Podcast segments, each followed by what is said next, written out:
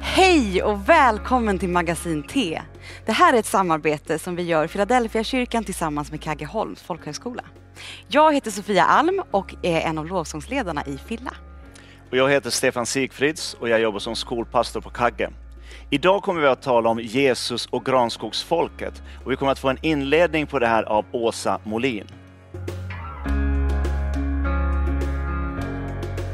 Hej!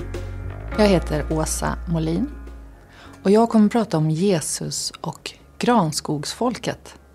Det var författaren Harry Martinsson som myntade det här begreppet. Han kallade oss svenskar för granskogsfolket i sin sista diktsamling som kom 1973.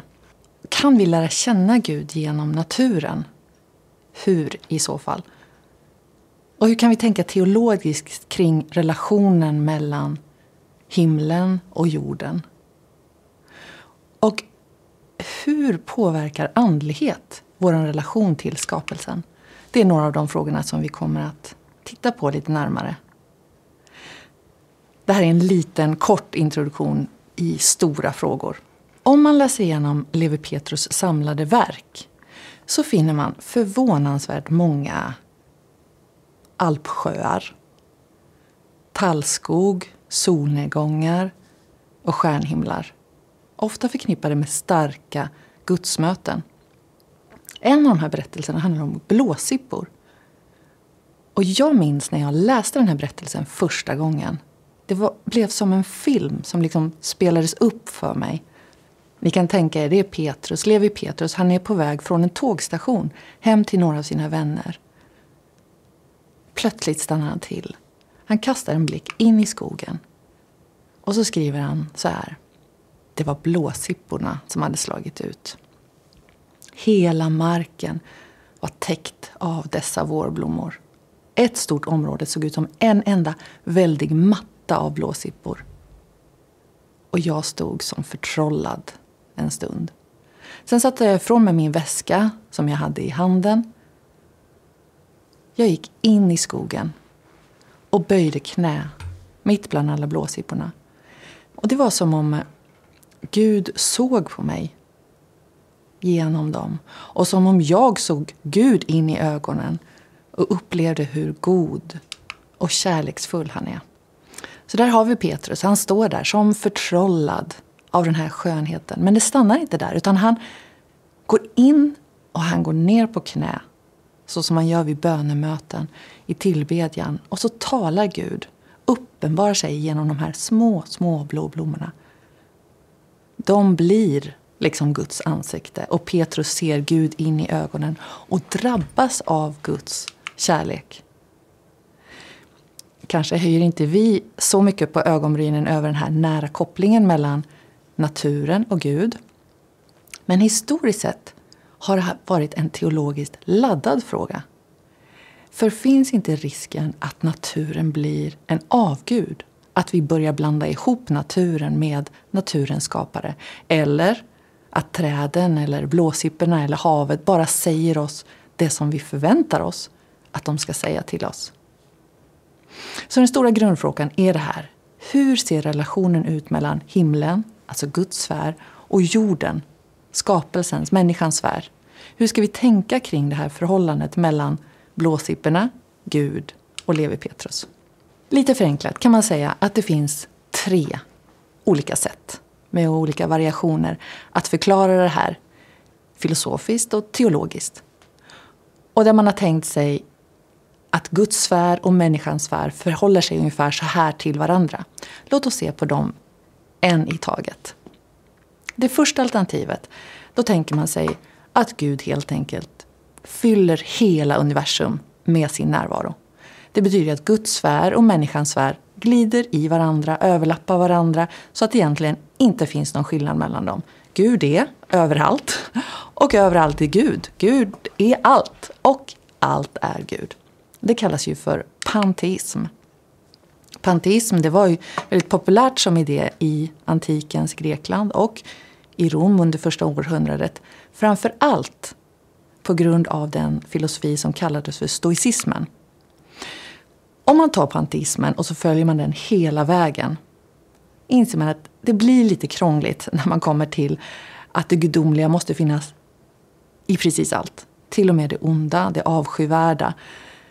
Och en del har ju försökt lösa det här genom att lansera panentismen. Det vill säga, allt som finns är inte gudomligt i sig, men det existerar inom Gud. Det andra alternativet beskriver två sfärer som inte överlappar med varandra. Utan de har snarare ett gap emellan sig. Himmel och jord, det är två helt olika världar som egentligen inte har någonting med varandra att göra.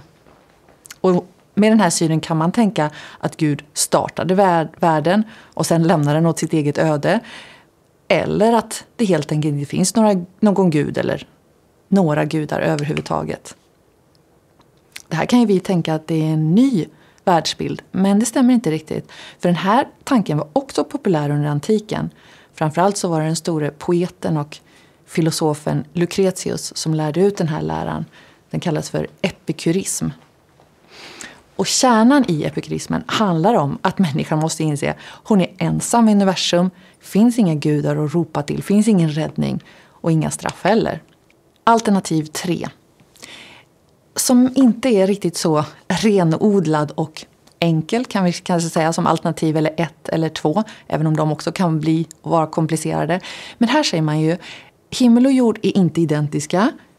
De skiljs inte åt av en avgrund utan överlappar. Men inte på något sätt som man enkelt kan schemalägga eller bara säga exakt så här är det på de här tiderna eller de här platserna. Det här är den tron som vi finner inom klassisk judisk och kristen tro. Så hur förhåller sig då människans sfär till Guds sfär? Hur ska vi förklara Petrus möte med Gud där bland blåsipporna?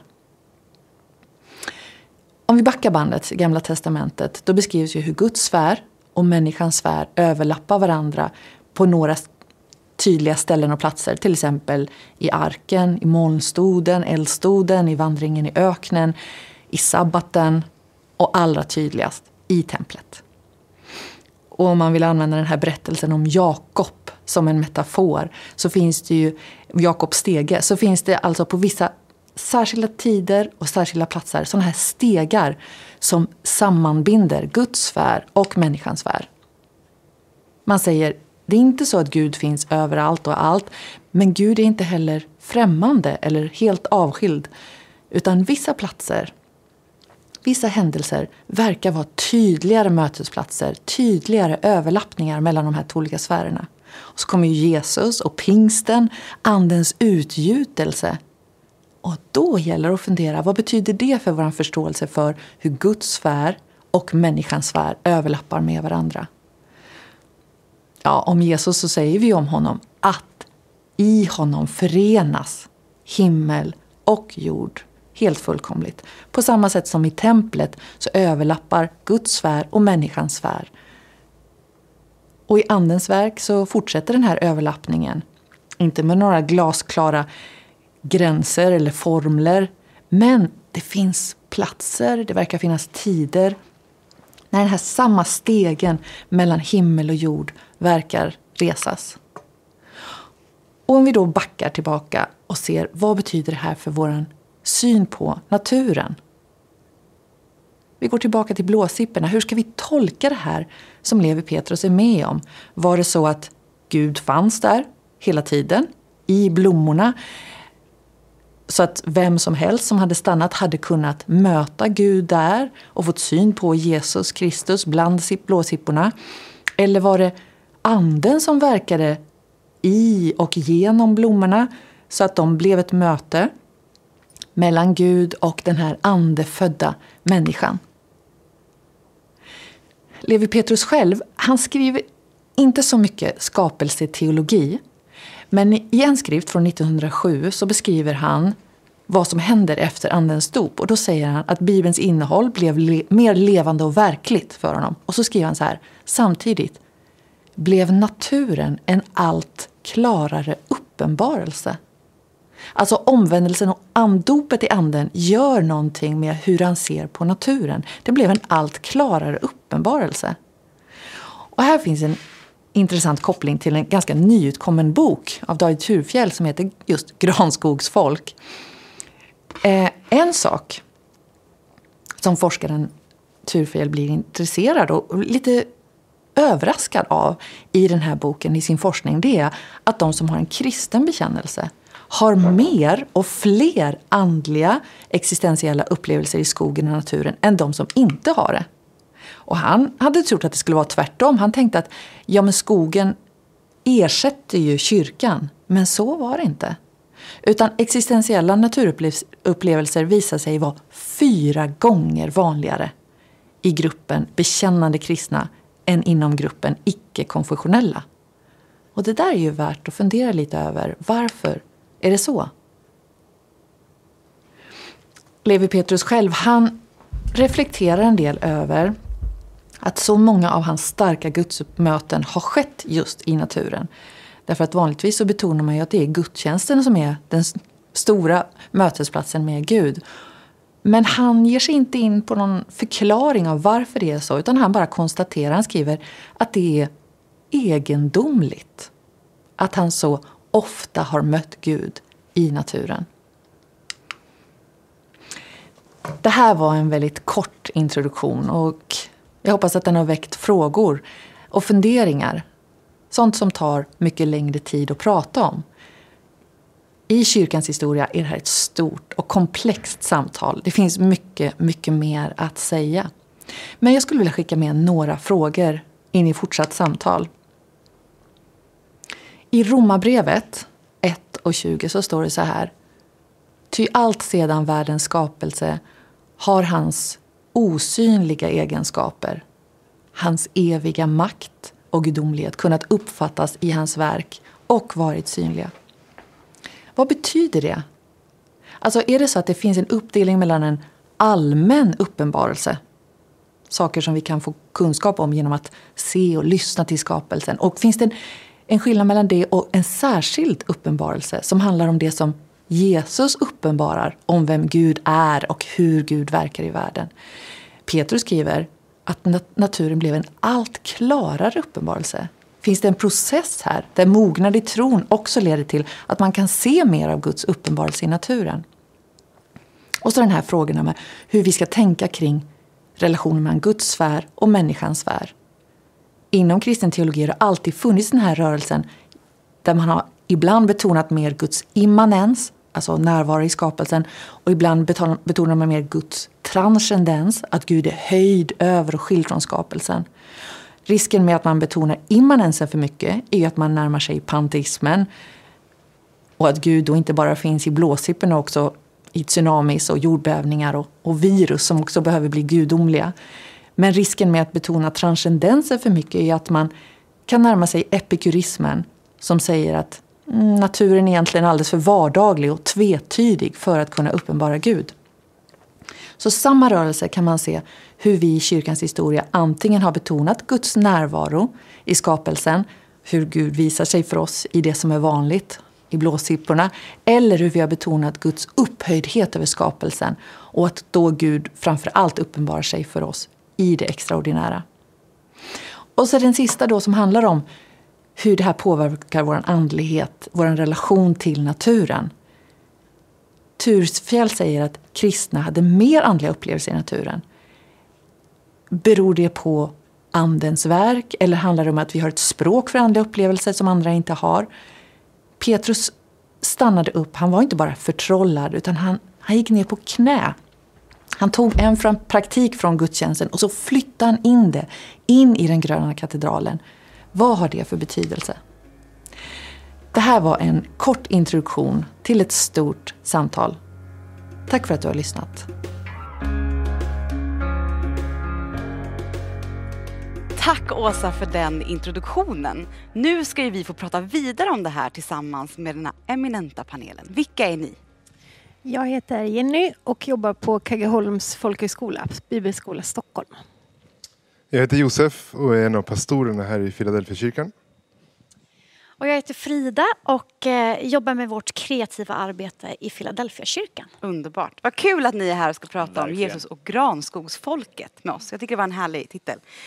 Eh, om vi tänker lite på vad Åsa var någonstans. Hon gav ju massa olika bilder på hur man kan tänka kring det gudomliga och det mänskliga och liksom jorden och den här eh, interaktionen däremellan. Men om vi liksom zoomar in direkt lite på där hon var med kristendomen och kristen tro så gillade jag lite där hon slutade. Om vi kunde börja där i att att om vi tänker att himmel och jord överlappar ändå hos oss. De är inte identiska men den, vi tänker ändå att det överlappar och att Jesus till och med, då, är de, då förenas himmel och jord. Hur ser det här ut i er egna tro? Men jag brukar ta det här exemplet eh, när jag träffar nya människor i tron eh, om det här med det, i naturen, det vi inte kan förklara. Både i makro med stjärnor och allt, och både i mikro eller vackra, en solnedgång eller ett stort berg. Men det blir alldeles för flummigt om vi bara liksom tar naturen. Och då brukar jag säga himmel och jord, precis som du sa, att himmel och jord möts i Jesus. I hans förkunnelse, i hans liv och eh, i det mötet man kan ha med honom även idag. Möter du inte problemet då i att det skulle kunna vara det här som hon var inne på, tsunamin, alltså allt det ändå brutala som naturen också har? Allt är, ju, alltså allt är ju som vi brukar säga, allt är ju inte som Gud vill att det ska vara. Och det har ju påverkat naturen också.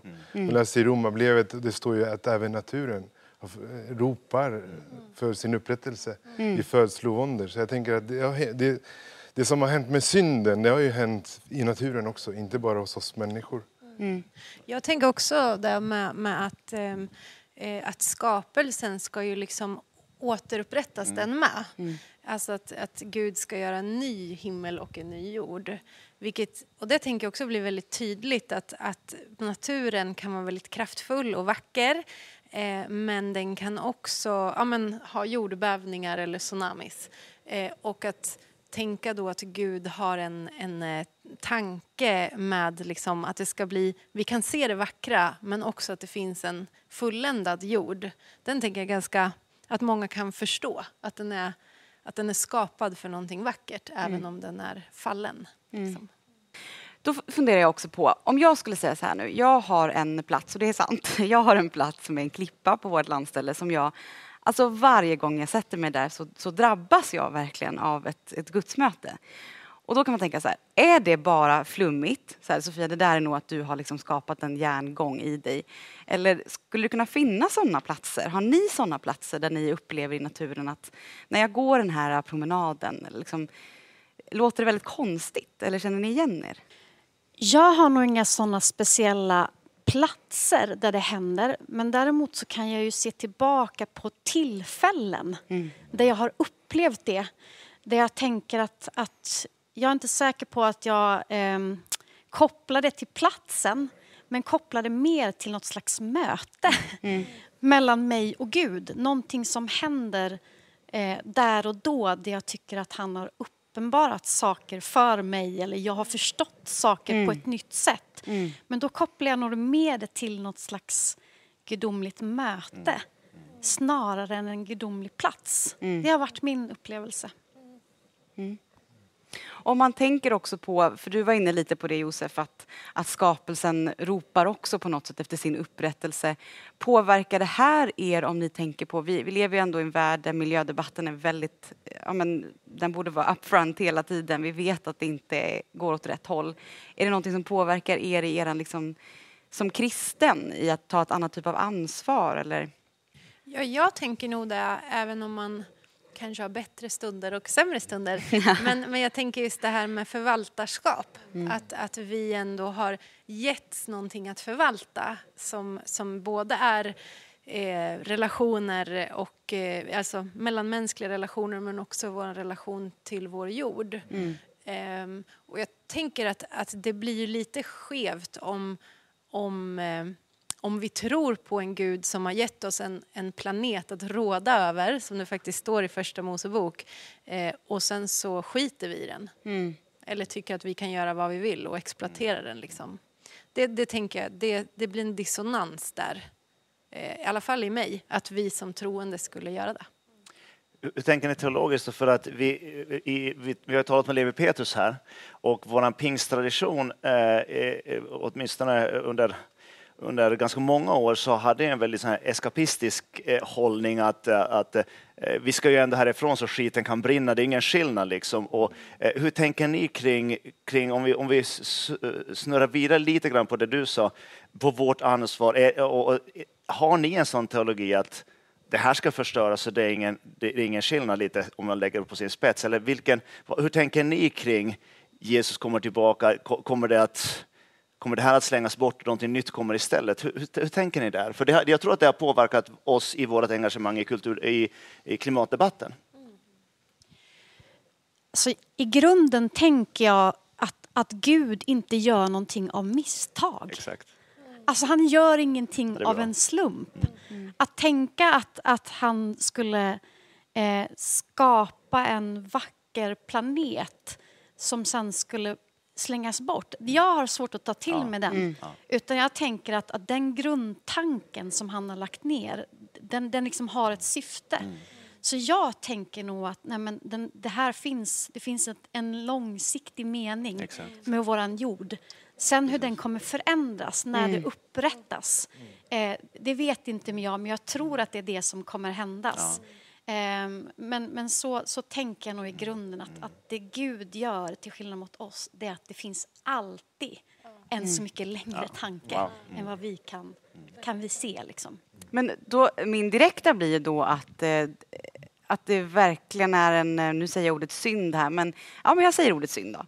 En stor synd som kristen att vi egentligen borde vara kanske de som leder klimatfrågan. För att om man också tänker på det som Åsa pratade om att eh, finns det kanske möjligen så en allmän uppenbarelse i skapelsen då är det ju hela tiden att Gud har liksom placerat ut och på något sätt visar sig i sin skapelse. Där vi verkligen borde vara där och beskydda det han försöker visa upp. Kan det finnas någonting i det? Så har vi verkligen gått fel här, liksom tänker jag som kristen, som kyrka, att vi borde vara leda de här frågorna. Ja, men verkligen. Jag tänker att vi behöver tänka till lite grann. Och jag tänker vi ber ju låta din vilja ske så som i himlen så och på jorden. Att eh, det här med upprättelse, det är redan igång. Är något som händer genom Jesus. Så såg man ju en trädgårdsmästare vid graven. Han har börjat ska en ny skapelse redan nu. Och vi kan vara med och göra det. Men också att identifiera. Vi, alltså, vi kan inte ta på oss ansvaret hela tiden. Vi ska göra allt. Utan identifiera det längtan som har skapats i människor att faktiskt värna om vår värld och att vi ska haka på det, tänker jag. Eh, Gud gör och skapar längtan hos människor som är utanför kyrkan också. Och vi kan identifiera att det här är en gudomlig sak som håller på att hända, tänker jag. Då ska vi ta det här samtalet lite vidare och, och, och tänka på, på en annan sak. Eh, i, det, I Åsas eh, föredrag så talar hon om, om eh, Levi Petrus och om eh, Paulus, just hur Gud uppenbarar sig i sin skapelse. Och, de ligger lite på ett sätt mot varandra. Eh, Levi Petrus säger att när jag blev troende, då såg jag Gud i skapelsen. Okay? Så han upplever den specifika uppenbarelsen i Jesus och sen ser han den allmänna uppenbarelsen. Medan Paulus säger faktiskt i Romarbrevet 1 att eftersom Gud har uppenbarat sig i sin skapelse så är vi redovisningsskyldiga mot Gud på grund av, av den allmänna uppenbarelsen. Hur tänker ni där? Alltså, vad, vad, är, vad är vad? Det kanske inte är vattentäta skott här på det sättet, men, men vad kommer först och vad är det som leder till den här relationen till, Jesus, eller till Gud? Mm. Alltså, jag vet, åh det är så dumt att jag inte kan något namn nu. Men det var någon som jobbade och kom till en indianstam eh, någonstans i Sydamerika tror jag. Och där de sa att eh, de eh, berättade om Jesus. Och då sa de att men den här guden har vi tillbett eller, eller eh, mött i skogen. Det var någonting, de hade haft något eh, möte med den här guden, med Jesus. Eh, så, så att de var väldigt glada att han kom och eh, eh, berättade Ja. mer om den här personen.